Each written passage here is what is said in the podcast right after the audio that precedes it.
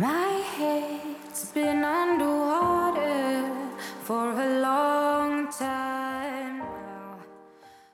Hej och varmt välkomna tillbaka. Jag som pratar heter Cornelia och idag har vi också med oss Elinor. Stort välkommen hit! Tack så jättemycket Cornelia, det är kul att vara här. Ja, hur mår du? Jag mår väldigt bra. Jag kommer precis eh, från en yogalektion eh, här i Barcelona där jag bor. Ja, åh vad härligt! Är Mm. det fint väder hos dig?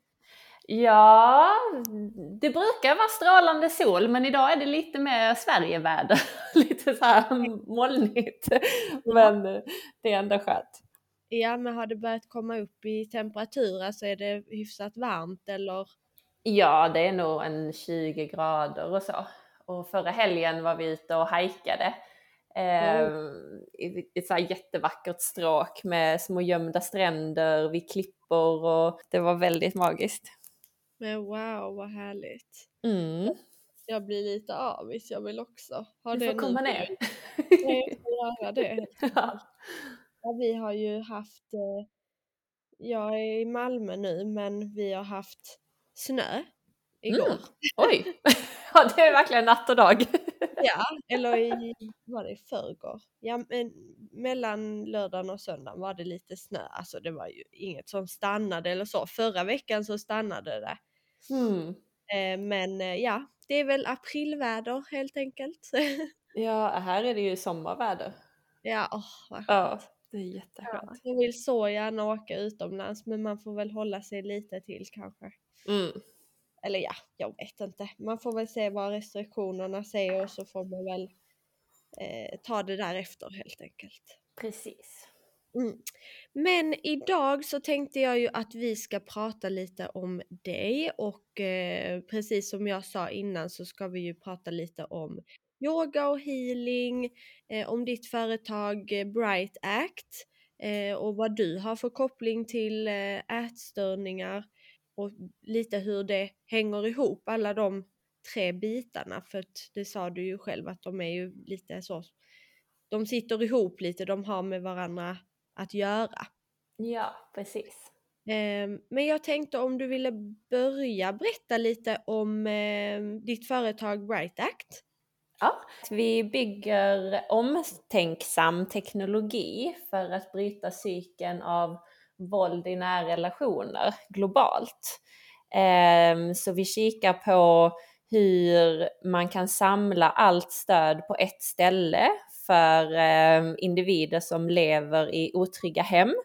Och det kan vara de som är utsatta för våld, det kan vara barn som lever i hem där våld förekommer. Eller det kan vara för den som utsätter andra för våld och hjälpa dem att bryta våldscykeln. Ehm, och det gör vi i samarbete med ehm, offentlig sektor och tillsammans med hjälporganisationer och ehm, forskare för att kika på det från ett holistiskt perspektiv. Eh, och vi har börjat göra det i Sverige eh, och börjar så smått att starta upp här i Spanien också eftersom jag nu har flyttat till Barcelona.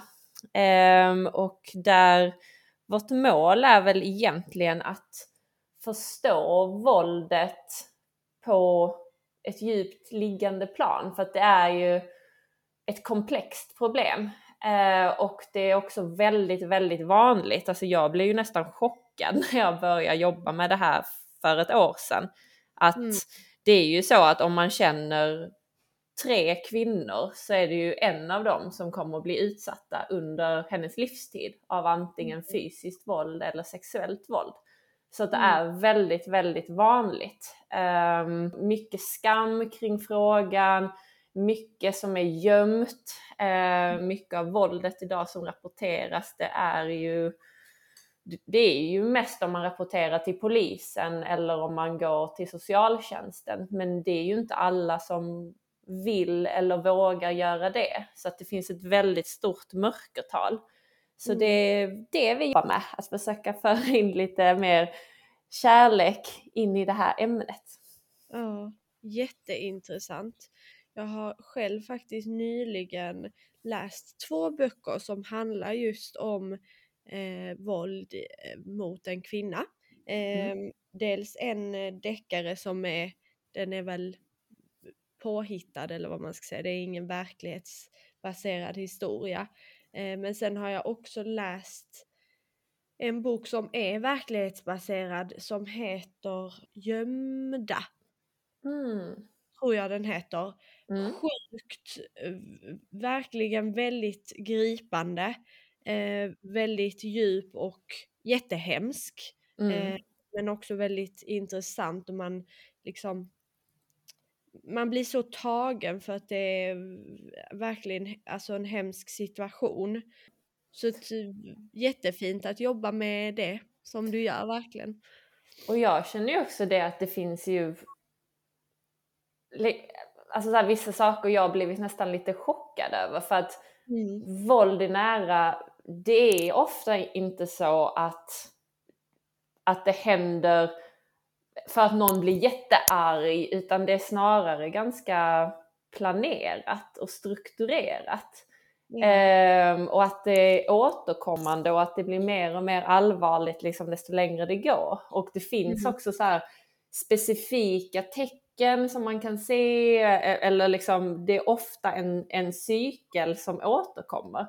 Och det är Mm. lite roligt nu när jag liksom dejtar här i liksom Barcelona att jag analyserar ju alla jättemycket utifrån våldscykeln och bara jaha, nu säger han det här. Eller gör det här. Det, det är lite så här red flag. ja. Så att, Nej, eh, men det- gud, det ja. förstår jag faktiskt. Jag, Mm. jag själv har inte, jag har inte varit i en fysisk, vad ska man säga, en fysisk våldrelation men jag har varit i en ganska så psykisk. Eh, alltså, ja, jag mådde inte så bra. Det var ett rätt så destruktivt förhållande där jag blev ganska så nedtrampad om man kan säga så. Och det är ju också hemskt. Och det är ju också många som lider i, av en sån relation där man inte liksom inser att man blir faktiskt psykiskt misshandlad på ett eller annat vis. Mm. Och psykologiskt våld, det är ju en form av våld också. Ehm, och det är, precis som du säger, väldigt vanligt. Ehm, Och ehm, i vissa fall så kan det vara väldigt tufft e- eftersom man, man kan bli väldigt nedbruten. Och det är Mm. nästan som att man inte riktigt litar på sin egen intuition och man vet inte riktigt vad som stämmer eller inte. Mm. Ehm, för ofta är det så att man är med sin partner och de kanske kan vara lite kontrollerade, kanske att de avgränsar dig från ditt sociala umgänge och där era dialoger blir din verklighet. Och när, när det sker så minimalt över tid så blir det nästan som att du blir subtilt hjärntvättad till en Mm. punkt där du inte riktigt vet vad som stämmer eller inte. Precis, så är det. Mm. Ehm, hur kom du, hur kom du liksom i, kom du in på det här spåret? Har du någon koppling till det? Jag har själv inte blivit utsatt för våld eh, i nära. Ehm, Jag kom in på det lite för att jag har en bakgrund inom förebyggande psykisk ohälsa där jag har jobbat eh, inom många år. Och eh, jag ställde upp i ett hackathon som är en teknisk tävling ehm, som utlystes av Sveriges regering för ungefär ett år sedan för att hjälpa till att rädda liv under coronakrisen. Och det Ja. var väl mer bara att jag kände att jag hade kunskaper och jag hade liksom energi där jag gärna ville ge tillbaka till samhället eller liksom hjälpa till att lösa den rådande krisen som var. Eh, och där träffade jag Sofie som är min eh, medgrundare idag. Eh, Mm. och där hon kommer från en bakgrund eh, från liksom, offentlig sektor. Där hon har jobbat under många år och har sett de här glappen i hur den här frågan eh, hanteras. Så då Ja. frågar hon mig om jag ville vara med och eh, hjälpa till att bygga en lösning som handlade då om skuggpandemin som det kallas. Eh, för våld i nära är ju ett av de brotten som faktiskt ökat väldigt mycket. eh, med 20 till 40 procent baserat på vilket land man liksom kollar på. Mm. Ehm, och jag tyckte väl att den här frågan var väldigt intressant ur ett psykologiskt beteendeperspektiv. Lite Mm. mer intressant än att bygga en smittspårningsapp som många andra ville ha med mig på. Ehm, också för att eh, det kändes i själen. Eh, Det kändes som att, att som kvinna, att det var någonting som jag ja, men vill, ville lägga min tid och energi på. Mm. Och det kändes som något fint jag kunde bidra med. Ehm, För jag jobbar mycket enligt hur man kan minska lidande och öka kärlek och förståelse i världen. Och tyckte väl att det här var en fin möjlighet att faktiskt kunna kanalisera min energi på det sättet. Ja, intressant verkligen. Men då har varken du eller Sofie har inte själva liksom gått igenom en, en destruktiv relation. Eh, jag har inte, men jag känner ju många i min närhet som har och det har Mm. också varit väldigt, väldigt många nu, också bland nära vänner som faktiskt kommit upp till mig och berättat om deras Mm. upplevelser där de antingen har varit utsatta som barn, Mm. eh, kanske inte att de själva har blivit utsatta för våld men de har levt i hem där en av deras föräldrar har varit våldsamma mot den andra. Mm. Ehm, och det sätter ju också väldigt djupa spår. Eller så är det ja, nära vänner som har berättat om eh, antingen att de lever i en våldsam relation nu eller att de har lämnat en våldsam eh, relation så att de Mm. eh, är överlevare som man säger. Mm. Så jag känner väl att den här frågan har också fört mig väldigt mycket närmare de som betyder mycket för mig. Ehm, och där jag känner att jag nu förstår dem på ett helt annat plan, vilket har varit väldigt fint. Och även eh, i vissa lägen har kunnat hjälpa också. Mm. Eh, och om vi leder in lite mer på ätstörningar, är det något som, som du har lidit av? Och som du har en bakgrund av? Eller lider av? Jag har tidigare, och det var väl mycket i så slutet av tonåren, så här början, ehm, så här, när man var 20, någonting Mm. Alltså jag, jag har en bakgrund av att alltid så här vilja vara bäst i klassen och Mm. eh, ha lite så perfektionistiska drag av att eh, jag alltid vill göra så bra ifrån mig som möjligt. Mm. Ehm, och under den tiden jag var ganska disconnected från min kropp. Eh, Mm. För jag har en förmåga av att jag känner inte smärta så mycket och jag är inte så rädd av mig heller men att jag har väldigt lätt för att gå över mina egna gränser. Och sen Mm. tror jag att det, mm, det slår över ibland. Ehm, för när man inte tar hand om sig själv eller inte lyssnar på sig själv eller lyssnar på sina egna gränser för vad som är viktigt, då får det utlopp på andra sätt. Och eh, för min del så var det genom bulimi. Mm. Ehm, där jag kunde känna väldigt, väldigt mycket ångest. Och mycket ångest över att inte liksom kunna hålla uppe de tankarna jag hade om mig själv och den förmågan jag tänkte att jag skulle kunna prestera på. Ehm, För att jag tror ändå inte att det är menat att vi i livet ska vara perfekta på allting och att vi Nej, ska alltid vara glada och för att så är det inte. Alltså livet sker, sker i, i olika cyklar och Mm. känslor kommer och går och alla känslor är vackra som de är och hjälper oss och, och vägleda oss till större insikter. Mm. Men jag tror när jag var yngre så hade jag inte den förståelsen om mig själv och hade också kommit från mm. en bakgrund och gick också på skolor som var väldigt tävlingsinriktade. Mm. Um, och blev väldigt format av vårt samhälle som också värdesätter de personlighetsdragen. Så mm. där blev det för mig att eh, det nästan blev så att jag kände att jag behövde ha någon slags kontroll. Mm. Eh, och kontrollen för mig blev då att, att äta och ofta äta ganska mycket onyttiga saker. Mm. Och sen bara känna att oh, nej jag vill inte ha det här i min kropp längre. Så det, det hade jag under perioder och jag kan väl känna nu också i, i ett mer vuxet liv, jag är ju 30 idag, att, um, att jag kan fortfarande få inslag av det ibland. Mm.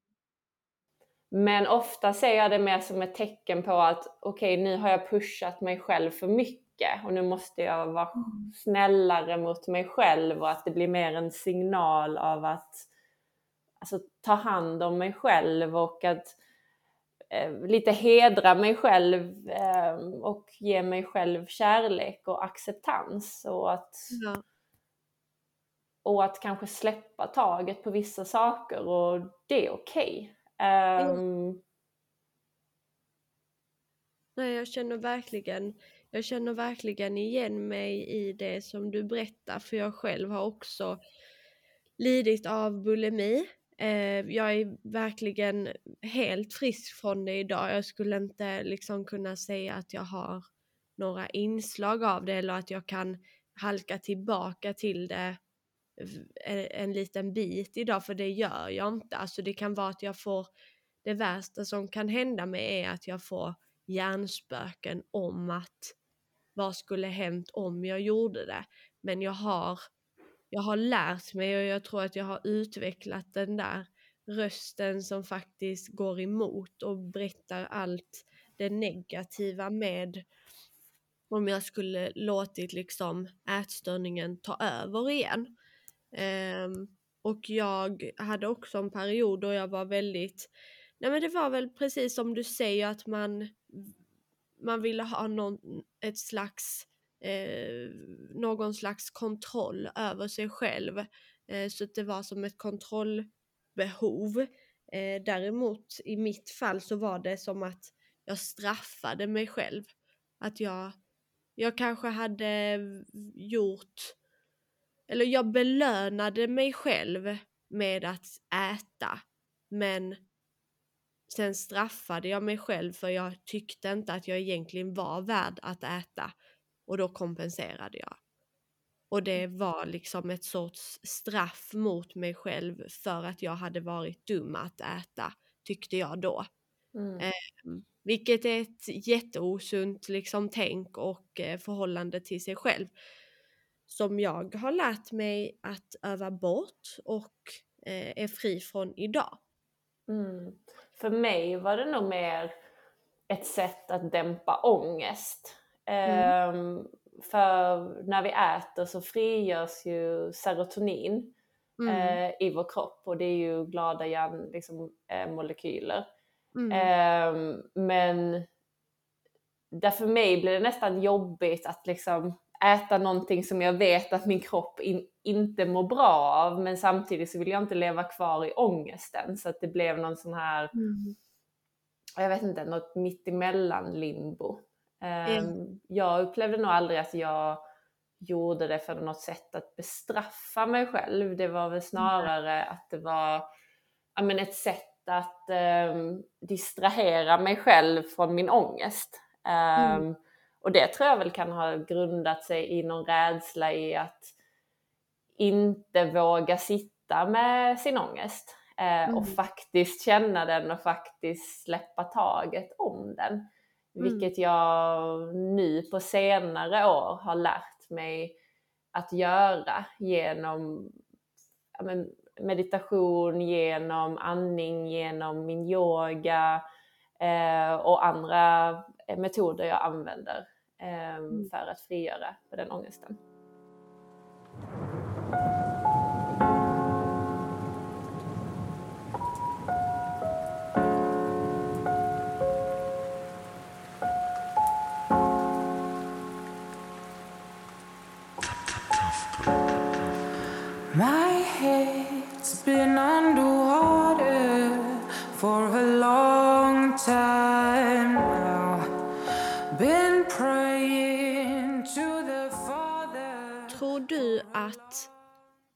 Ätstörningar och våld i hemmet eller våld mot en person har någon form av sammanhörighet eller koppling till varandra? Ja, definitivt. Um, det finns ganska många som lever i våldsamma relationer som också har ätstörningar. Um, mm. Eftersom ätstörning, och jag gillar egentligen inte det ordet ätstörning för att det låter som att någonting är fel. Um, men det handlar ju om självkänsla.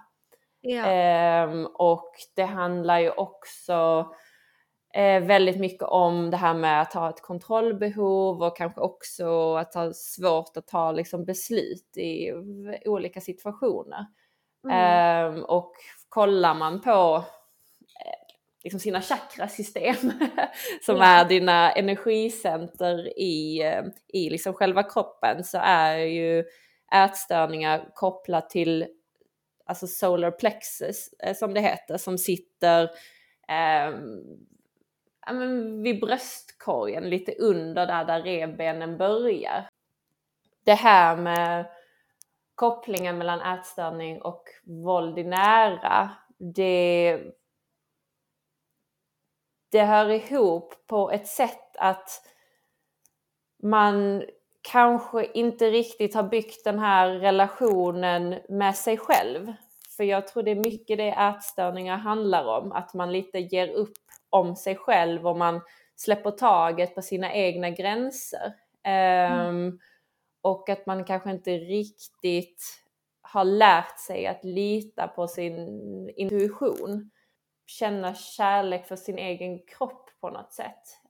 Um, eller i alla fall är det så jag upplever det. Sen kanske inte det är så för alla. Men jag tror ätstörningar och även det här med våld, äh, äh, våld i, äh, i nära relation eller vilken upplevelse vi än har. Alltså det, är, det är lärdomar som livet ger oss.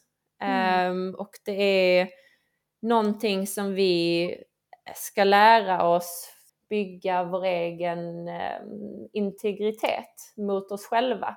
Och att lära sig att ge oss den kärlek som vi liksom behöver och kanske även den sen, eh, så här, känslan av att ha en större mening och att vara ihopkopplad med allt. Eh, och att mm. det inte bara är du utan du är en del av någonting som är mycket större. Har man låg självkänsla, och det är ju inte riktigt samma som självförtroende, för självförtroende Nej. är ju något annat, men Precis. Har man låg självkänsla så kanske man inte riktigt känner sig värdig till att leva i kärlek på det sättet och att riktigt fullfölja ut sina drömmar på det, det sätt som man kan. Mm. Um, och det kan ju göra att man hamnar i olika destruktiva eh, förhållanden om det är med dig själv, vilket jag tror en ätstörning är, eller med andra som våld i nära är. Mm. Eh, men jag tror definitivt att man kan frigöra sig från det. Det kan ju vara en väldigt lång resa och en resa där man lär sig att härda sig själv. Men yeah. så länge intentionen kommer från kärlek så, så tror jag att det är, då är man eh, exakt rätt ställe som man ska vara.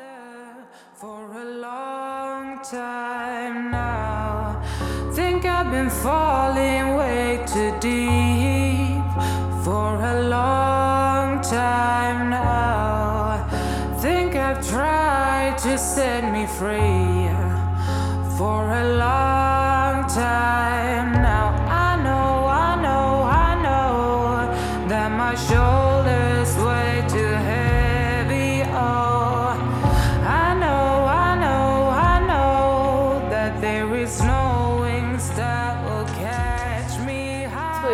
kärlek kommer inifrån. Det kommer Mm. från eh, liksom, dig själv och din egen förståelse för dig själv. Mm. Medan om man lägger förväntningarna på att den kärleken ska komma utifrån, från andra människor eller från andra omständigheter, då ger du egentligen bort din kraft till andra.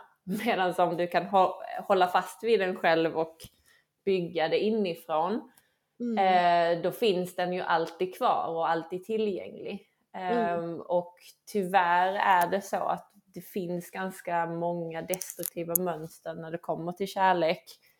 Ehm, Som vi antingen kanske kan lära oss från våra föräldrar eller från tidiga partners vi har. ehm, eller från samhället överlag. Eh, Mm. Och där man ständigt söker validering hos andra. Eh, Mm. istället för att hitta den kraften inom sig själv.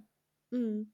Nej, för jag tänker att både en ätstörning eh, och våld i närhet eh, är ju någon form av, eller ligger ju, har ju någon sorts grund i ett lågt eh, självförtroende eller självkänsla. Att det på något sätt liksom har att göra med att man kanske inte har den kärleken till sig själv, att man ser att man är värd bättre än så, Mm. tänker jag.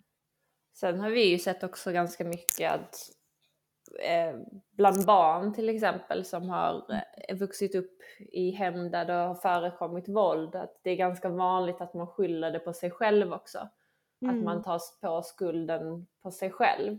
Mm. Ehm, och det gör ju också att känslor som skam eller att man känner sig skyldig eller att man har lågt självförtroende eller låg självbild, det utvecklas också. För det är ju ett slags trauma man eh, går igenom. Ja, men, Ehm, eh, verkligen, men det har ju någon form av eh, koppling till varandra.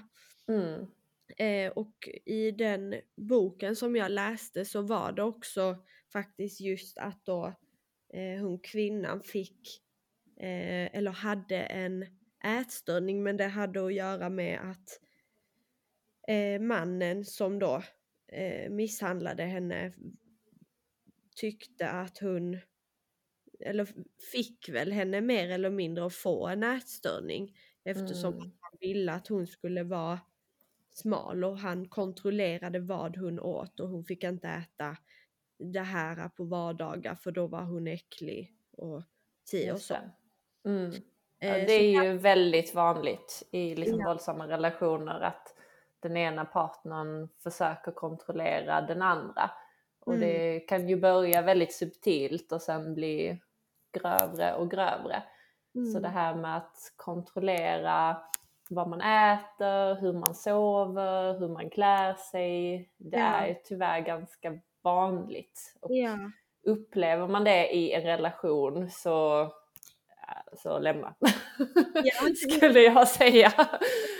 För det blir värre. Ehm, jo men det blir ju det. Alltså jag, mm, just, just det har jag faktiskt varit med om eh, att jag inte liksom Nej men att jag inte fick klä mig som jag ville, att det var mycket påpekat. Eh, Jag var, jag blev kallad eh, ditten och datten om jag hade kjol på mig. mm, Eller om jag hade en jättefin blus hade jag på mig en gång. Och så, men den visade, alltså den var lite så här i spets så den var lite genomskinlig. Och då såg man min bh igenom och det var ju inte okej. mm, Och om jag, också väldigt mycket så här kontrollerande av, av mat. Dock inte i, i syftet att jag inte eh, skulle äta utan tvärtom att jag fick inte jag fick inte komma hem till honom om jag inte hade ätit. För då var mhm. det liksom att det ska man göra. Som en sorts liksom kontrollerande av, och att han ville liksom bestämma över mig. Eh, och Mm. det hade han väl alla sätt att göra det på. Mm. Ehm, och då blev det de sätten. Men det Mm. förhållandet har jag tagit mig ur. Mm. Det är Mm. starkt av dig. Tack! För det är ibland svårt att se det när man är i det. Jo Ehm, men det är det, absolut. Man tänker ju inte på det själv ehm, när man väl är i det. Eh, Mm. Så jag såg ju inte liksom att jag faktiskt var rädd för honom. Eh, Mm. vilket jag var. Eh, Mm. Det var ju min mamma som sa, som sa det till mig att du kan inte vara med honom, att du är rädd för honom. Att liksom, det fanns så himla många faktorer som spelade roll och som liksom man Mm. såg utifrån men som jag själv liksom, det blev som en vana för mig. Eh, Mm. För det, var, det hände ju varje dag och till Mm. slut såg jag ju inte det som något problem utan något som jag fick anpassa mig efter. Mm. Eh, Och ofta är det ju komplext på det sättet också att för att många av dem som vi liksom talar med, de älskar ju sin partner. Alltså, Ja, och de vill ju inte dem något illa heller eller nej. liksom de, det finns ju en kärlek där också. Ehm, och det är ju därför det också blir svårt för att det är inte svartvitt. Det är mycket känslor eh, involverade på alla sätt och vis och där man Mm. heller inte vill skada den andra eller få den andra att tappa ansiktet på något sätt. Ehm, Mm. Nej, för på och, något sätt så jag var ju liksom jättekär i honom och jag älskade ju honom så att på något sätt så försökte jag ju samtidigt skydda honom eh, och få honom att se bra ut och liksom stryka ett streck över de väldigt många grejerna som faktiskt var helt oacceptabla. Och mm, det kan jag se idag och jag är jätteglad för att jag ser det idag för att det gör också att jag tänker på hur jag är i min relation idag och hur min partner är i relation mot i vår relation idag. mm, Eh, och att det liksom att det skiljer sig så pass mycket. mm, Att det får mig också att se att det är så Nej men det är ju nog väldigt lätt att hamna i en sån situation eh, eller i en sån relation.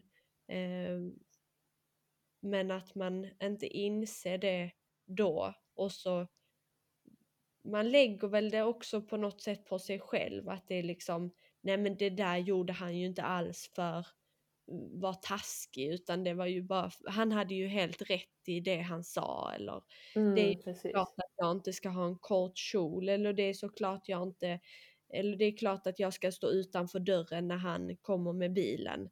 Liksom Mm, mm, helst fem minuter innan så att annars så kör han iväg liksom. Eller mm, eh, ja, allt vad det nu var som hände som inte var liksom acceptabelt i hans ögon. Men som mm. egentligen är helt mänskligt och normalt. Mm.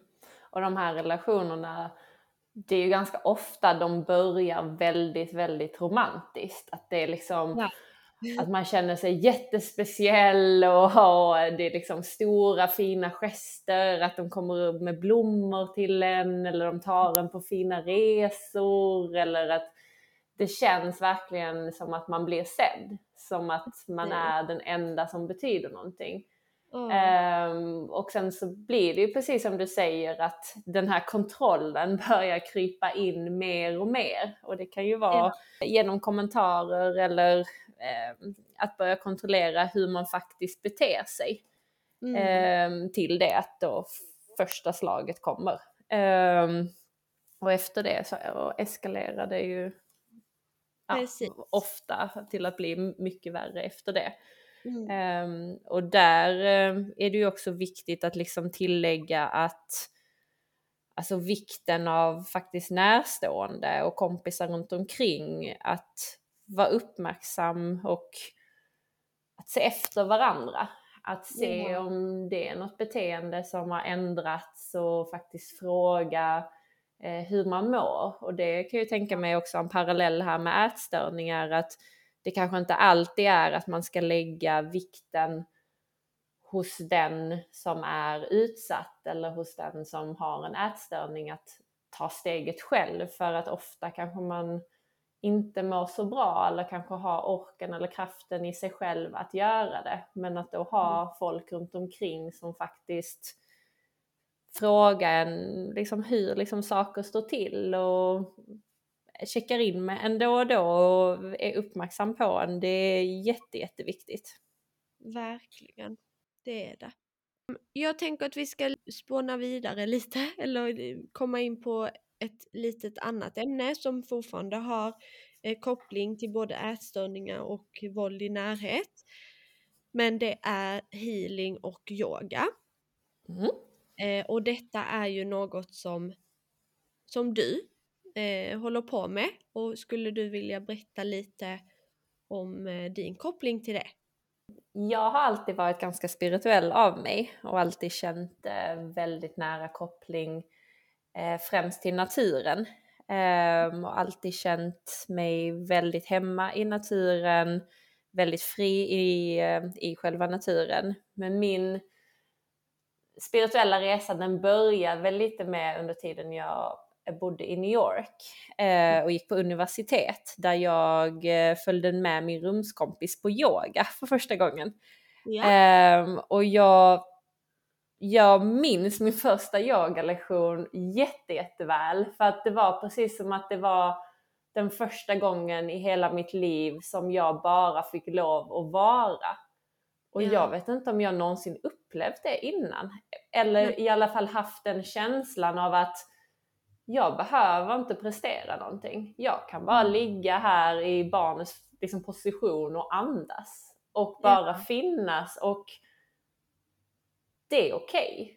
Mm. Um, och att det blev som att med varje yogalektion att jag kom närmare till mitt sanna jag och kom närmare mm. till den person jag faktiskt är. Uh, mm. Och jag tror ju också på att vi lever ju i vår fysiska form här liksom inom vår kropp men jag tror inte mm. att vi är våra kroppar. Det är, det är för mig ett skal som vi navigerar samhället med men jag tror på oss själva som en energiform där vi är mm. vibrationer och liksom frekvenser och liksom elektricitet som kopplas ihop med allt. Mm. Um, och för mig blev ju yogan en slags resa in i mig själv där jag lärde mig att vara närvarande i min kropp mm. eh, och i mitt sinne och med mina känslor. Eh, mm. För yogan är ju liksom i sig själv, det är eh, något man praktiserar både för att stärka den fysiska men det är ju som en alltså meditation där man rör sig och du lär dig att känna din kropp. Var är jag stark? Var flödar liksom energin av sig själv? Var finns det stagnation och kanske till och med smärta ibland? Hur mm. förhåller jag mig själv till de känslor som dyker upp när jag gör min yoga? Eh, men sen är ju yogan också en livsstil. Yeah. Så efter yoga då börjar jag komma in mer och mer på liksom buddhismen. Mm. Eh, och jag är eh, idag på ett rent filosofiskt plan eh, anser jag mig eh, leva enligt liksom, buddhistiska liksom, principer. Och yeah. det handlar ju mycket leva i sanning och att mm. leva med förståelse och kärlek för allt runt omkring. Eh, och det pratar mycket kring att eh, men suffering eh, eller lidande eller saker som känns jobbiga, det finns alltid i ditt liv och det är ingenting du någonsin kan komma ifrån utan det handlar mer om förhållningssättet till det eh, mm. och, ditt och ditt perspektiv eh, i hur du tar det an det. Så mm. buddhismen pratar ju mycket om att man ska ha liksom så här, the right view eller the right understanding. Um, mm. Och det är ju på något sätt att skapa kunskap om allting och lite ifrågasätta allting också. Och att mm. fråga sig själv, ja men stämmer det här verkligen? Alltså den här känslan jag har, är det liksom in line med liksom verkligheten? Och Mm. även så här att bygga sitt liv e- efter intentioner och att låta eh, intentionen från de handlingarna man har komma från ett ställe av vänlighet och kärlek och inte från rädsla eller hat som eh, kanske är på den andra sidan av liksom spektrumet och att man ser till att när man väl öppnar munnen och talar att Ja. man talar sanning. Eh, man försöker inte förvrida det på något sätt utan att man, man står i sin egen kraft på det sättet. Och där finns det ju flera steg men också det ja, i yrkesval man har, att man försöker vara snäll och inte göra skada i allting man väljer. Så jag har ju varit väldigt medveten om de jobb jag har tagit mig an. Att jag har ju vissa företag till exempel som jag aldrig hade kunnat tänka mig att jobba för. Eller, Ja. eller vissa ehm, ämnen som jag heller aldrig hade kunnat liksom göra. Då hade jag hellre varit arbetslös. Eller, liksom, nej, det liksom finns inte. Ja. Ehm, men att lite hedra sig själv på det sättet. Mm. Um, sen har vi kommit mer och mer in på andning, eh, breathwork som det heter. Mm. Ehm, och det var väl genom andningen jag började ha mer psykedeliska upplevelser. Ehm, och började upptäcka att jag faktiskt är väldigt öppen i mitt tredje öga. Alltså på något sätt öppnat upp någon slags portal där jag Mm. får olika liksom, visioner eller meddelanden som kommer till mig ehm, genom bilder oftast. ehm, som jag använder som ett, eh, en slags intelligens i hur jag tar liksom beslut idag. För det kan vara så att jag frågar universum om någonting och så, sen får jag svaren eh, antingen direkt eller så kan det komma inom några dagar och jag, jag använder det som en slags vägledning. Vad häftigt. Ehm, ja, så ett exempel var, det var faktiskt anledningen varför jag flyttade till Barcelona. Mm. Ehm, för att när jag mediterar så det första saken jag ser när jag eh, öppnar upp mitt, eh, mitt tredje öga, det är faktiskt ett öga. Så jag, jag förstår varför det kallas ett tredje Ja. öga nu. Jag ser Ja. en iris som är en Mm. sån här fraktal iris och sen Mm. går jag in i pupillen ehm, och det blir som en stor tunnel av fraktala mönster som man lite som en rutschkana liksom åker igenom. Och sen hamnar jag på ett ställe som bara är ofta ett tomt space och sen så börjar det dyka upp olika eh, liksom symboler. Ja. Och eh, när jag flyttade till Barcelona då hade jag min rumskompis. Eh, hon, eh, hon hade skapat upp en fake-profil och där hennes profilbild var ett öga. Och jag Nej. bara kände så här, "Ja, men herregud, det här är ett tecken från universum, jag måste flytta till Barcelona. Jag struntar i att det är helt eh, orationellt, men jag bara, jag måste åka dit. Wow. Eh, och så gjorde jag det och det är nog ett av de bästa beslut jag någonsin tagit. För att jag, Ja. jag känner att ja, Barcelona det, det ger mig väldigt mycket. Mm. Ehm, Hur länge har du varit där nu? eh, sen oktober förra året. Ja. Så, ja, det är väl ja, drygt ett halvår eller så nu.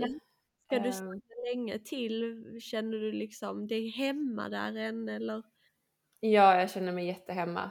Alltså det Mm. känns verkligen som att det är här jag vill vara. Ja, mm, som att det är ett hem. Ehm, Åh. skönt. Och anledningen varför jag trivs här det är, det är för att det hjälper mig att hitta hem i mitt spirituella jag. Eh, Ja. För det är en väldigt spirituell stad. Eh, men också väldigt intressant för det finns ju mycket tech och jag jobbar ju inom tech. Och Mm. Det är ett annat sätt att leva på. Eh, Det är lite mer så här tantrisk stad. Att det är, man, man flowar lite efter vad man känner. Mm. Eh, och jag gillar det sättet att vara på. Att hela Ja. tiden checka in med sig själv. Vad det är man faktiskt vill och vad det är som ger en glädje och vad det är som får en att känna sig mest levande och så är det det man gör. Man, Mm. ja, att jag känner inte att jag behöver boxa in mig i hur saker ska vara bara för att jag har sagt att jag ska göra någonting men känner jag inte för det den dagen, nej men då gör jag inte det. liksom. det- Ehm, Det är ashäftigt att flytta till en, en annan stad och känna sig hemma och liksom ändå skapa ett liv och, och vardag där. För jag själv känner nog att jag är så himla... Jag, tr- jag tror inte att Malmö och Sverige kanske egentligen är min lyckligaste plats, om man kan Mm. säga så. Men jag tror att det är nog ändå här jag kommer vara. För att mm, jag på något sätt är så trygg här, jag vet allt här, jag hittar allt här. Och så är jag väl lite rädd. Lite rädd för att liksom testa att liksom bara flytta till något främmande ställe. Um, men det är också något som jag faktiskt arbetar med mig själv att försöka acceptera och testa nya ställen och, och så. Jag älskar verkligen att resa men jag har ju alltid den känslan av att detta är bara en resa, snart ska jag åka hem igen och därför njuter jag extra mycket för att jag vet att det är så bra på resan men jag älskar också att komma hem. mm. Men eh, jag har ju testat att bo lite i Stockholm. Eh, och det är liksom, jag älskar Stockholm, alltså jag har trivts jättebra. Men jag har också haft de eh, liksom dagarna då jag bara känner, nej nu får jag ta tåget hem liksom för jag är, jag känner inte alls mig bekväm här nu. Jag längtar hem till att kunna cykla hem till mamma på, på tio minuter och krama om min pojkvän liksom.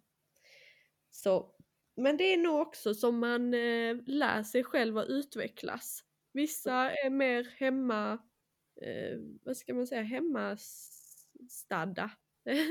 och vågar lite mer och ta sig ut på äventyr. Och det tycker jag är jättehäftigt att du, du vågar. Du har bott på många platser eller? Ja, och för mig är det nästan, min trygghet är nästan att flytta runt. För att Okej. jag har vuxit upp med att flytta runt väldigt mycket eh, i min barndom. Mm. Eh, så jag är ju född i Singapore och vi har bott i Aha. Australien, Malaysia, Österrike. Eh, så att för Wow. mig, det är naturligt för mig att flytta och jag, Mm. jag trivs i att vara i situationer där jag inte riktigt är 100% bekväm Nej? och där allting ehm, kan hända liksom. För jag ser det lite som ett eh, elektronmoln av möjligheter som att vad som helst kan dyka upp. Så att jag, jag tycker om liksom uncertainty ehm, Mm. och att inte veta vad som sker. Ehm, Mm. Men det är ju min eh, comfort zone. Eh, den är ju bara annorlunda. Men Ja. jag tror man ska lyssna på sig själv och det att du åkte hem efter att ha varit i liksom Stockholm ett tag tror jag är helt rätt. För känner du att du saknar din familj och att du saknar vissa saker, då är det ju det som är rätt för dig. Mm. Mm. Jo, nej för att eh, just det du säger att, ehm, eh, att inte bli för bekväm kanske. Det Mm. jobbar jag väldigt mycket med. Det är som att jag, jag gillar att utmana mig själv för att jag inte ska bli för bekväm. Att jag, Mm. jag vill gärna till exempel testa nya jobb eller eh, ringa ett telefonsamtal som någon annan kanske hade tyckt varit jätteläskigt eller eh, åka till eh, på en resa som man liksom inte vet hur den kommer att sluta. Alltså sådana grejer att man, man utmanar sig själv till sånt som man egentligen inte vet hur man kommer må eller reagera av. Eh, det tycker jag är häftigt och det försöker jag att göra med mig själv så mycket som möjligt för det är så jag tror att jag kommer utvecklas som mest på.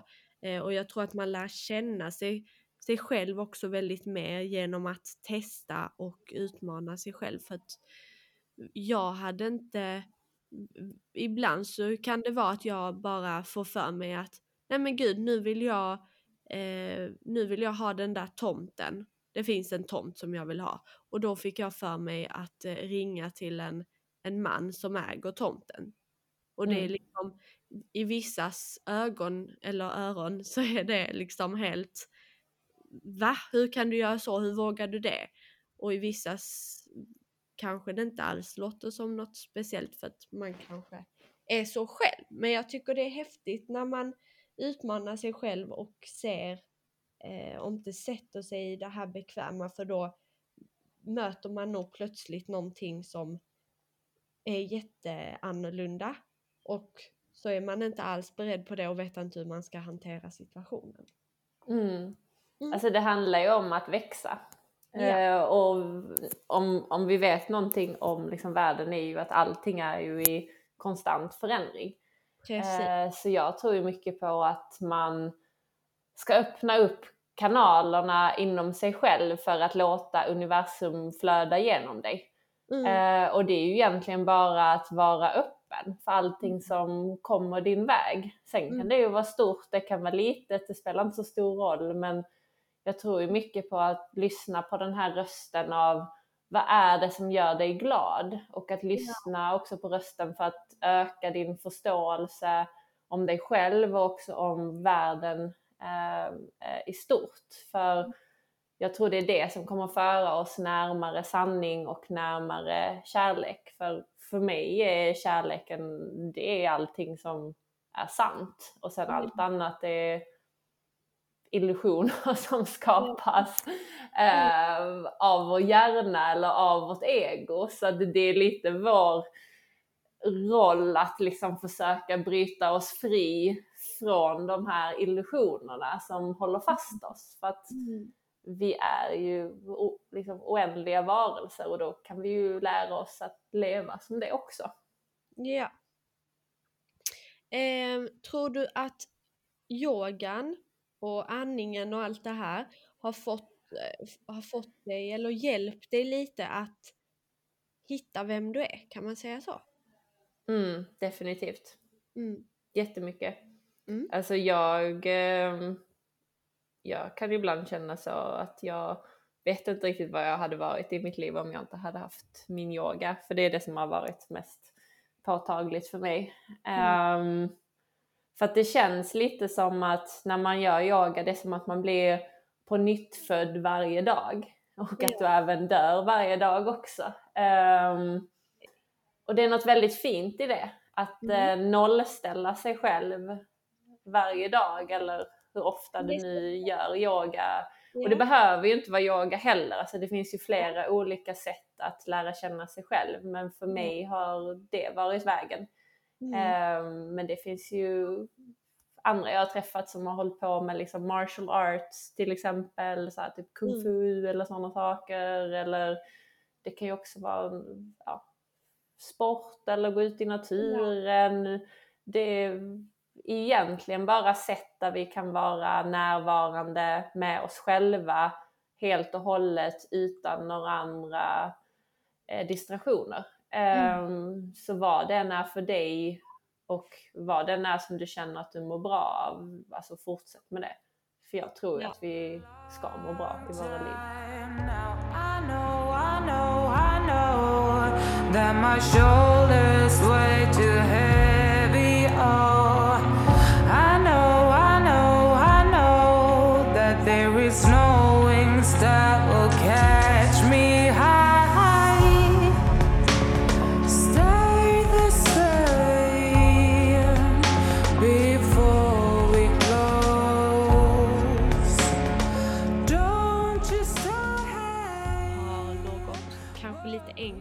tips på hur man, eh, hur man gör för att stärka sig själv i vardagen. Mm. Ehm, jag har en sak som jag gör varje morgon som jag tycker är ganska fin. Ehm, och det är lite att bygga ett hem inom sig själv. Och sättet jag gör det på det är att jag när jag vaknar att jag lägger en hand på mitt hjärta och en hand på min mage. Och så andas jag in solsken eh, som kommer genom fönstret och andas in det eh, i min mage och till mitt hjärta. Eh, och så andas jag ut kärlek tillbaka till hela världen och ger liksom blessings mm. eh, till alla levande varelser så att de kan leva i fred och i, eh, i liksom glädje och eh, välmående. Mm. Um, och jag tror att genom att fokusera energi och ljus till de eh, organ som faktiskt är väldigt intuitiva som magen, hjärta, eh, sinnet är. Mm. Um, så tror jag vi stärker eh, oss själva på ett fint sätt. Och då brukar jag tänka att det är en eh, light heart meditation brukar jag yeah. liksom tänka det som. Som att man växer ljuset liksom i sitt hjärta och det kan man göra genom att liksom visualisera det. Att man lägger händerna på hjärtat och sen att man långsamt flyttar händerna ut och tänker det lite som att det är en, en stor glödande sol eller en stjärna eller en boll av ljus som bara växer ur dig. Och sen släpper du taget av det när du har flyttat händerna så pass långt ut och bara låter ljuset um, röra vid allting runt omkring dig. Mm. Uh, och för mig så får det mig att känna ja, men en stor samhörighet med allt och att faktiskt känna att, att jag som individ, att, att den effekt jag har på andra, det, det faktiskt spelar roll. Och det kan bara vara så enkelt som hur jag mår eh, idag och att jag väljer att leva den här dagen med tacksamhet och eh, i kärlek. Vilket bra tips! Ja. Avslutningsvis, allra sist, så ska vi avsluta med tre snabba mm. eh, frågor som eh, jag ställer och du ska bara ha lite snabba svar på dem. Okej. Okay. Eh, och då är det, den första är då favorityogaposition. Oh, um, shavasana. Den mm. sista posen när man bara ligger. Okej, okay. ja. ja. Eh, mest inspirerande Instagram-konto för healing eller yoga eller må bra och arbeta med sig själv? Eh, just nu för mig är det ett konto, vad heter det? Jag tror det heter Light Consciousness. Mm. För att mm. de pratar väldigt mycket om sacred geometry och eh, fraktala eh, liksom system. Och för mig är liksom fraktaler, det är liksom building blocks av hela universum och hur liksom naturen eh, utveckla sig själv. Så jag tycker det är väldigt eh, inspirerande. Men så vet jag inte om andra tycker det. Men för mig är det healing att, att veta att hur allting vävs ihop, att, att vi är ett liksom. Så jag gillar att förstå mer om hur världen fungerar. Mm, vad hette det sa du? Jag tror den heter Light Consciousness. Okej. Okay. Mm. Och sista frågan, bästa miljön att vara i för avkoppling enligt dig? Mm, havet. Havet. Ja, eller mm. vara i vatten och bara ja. känna att man är en droppe i det stora hela. Ja. Tack så jättemycket för att du var med i detta avsnittet och för allt du har delat med dig av. Tack så mycket Cornelia! Ja. Eh, det var jättefint att få prata med dig. Ja, och jättekul att få prata med dig också. Och ja. lycka till med eh, Bright Act och healing och yoga och allt där till. Ja, tack så mycket. that my shoulders way too heavy. Oh, I know, I know, I know that there is no.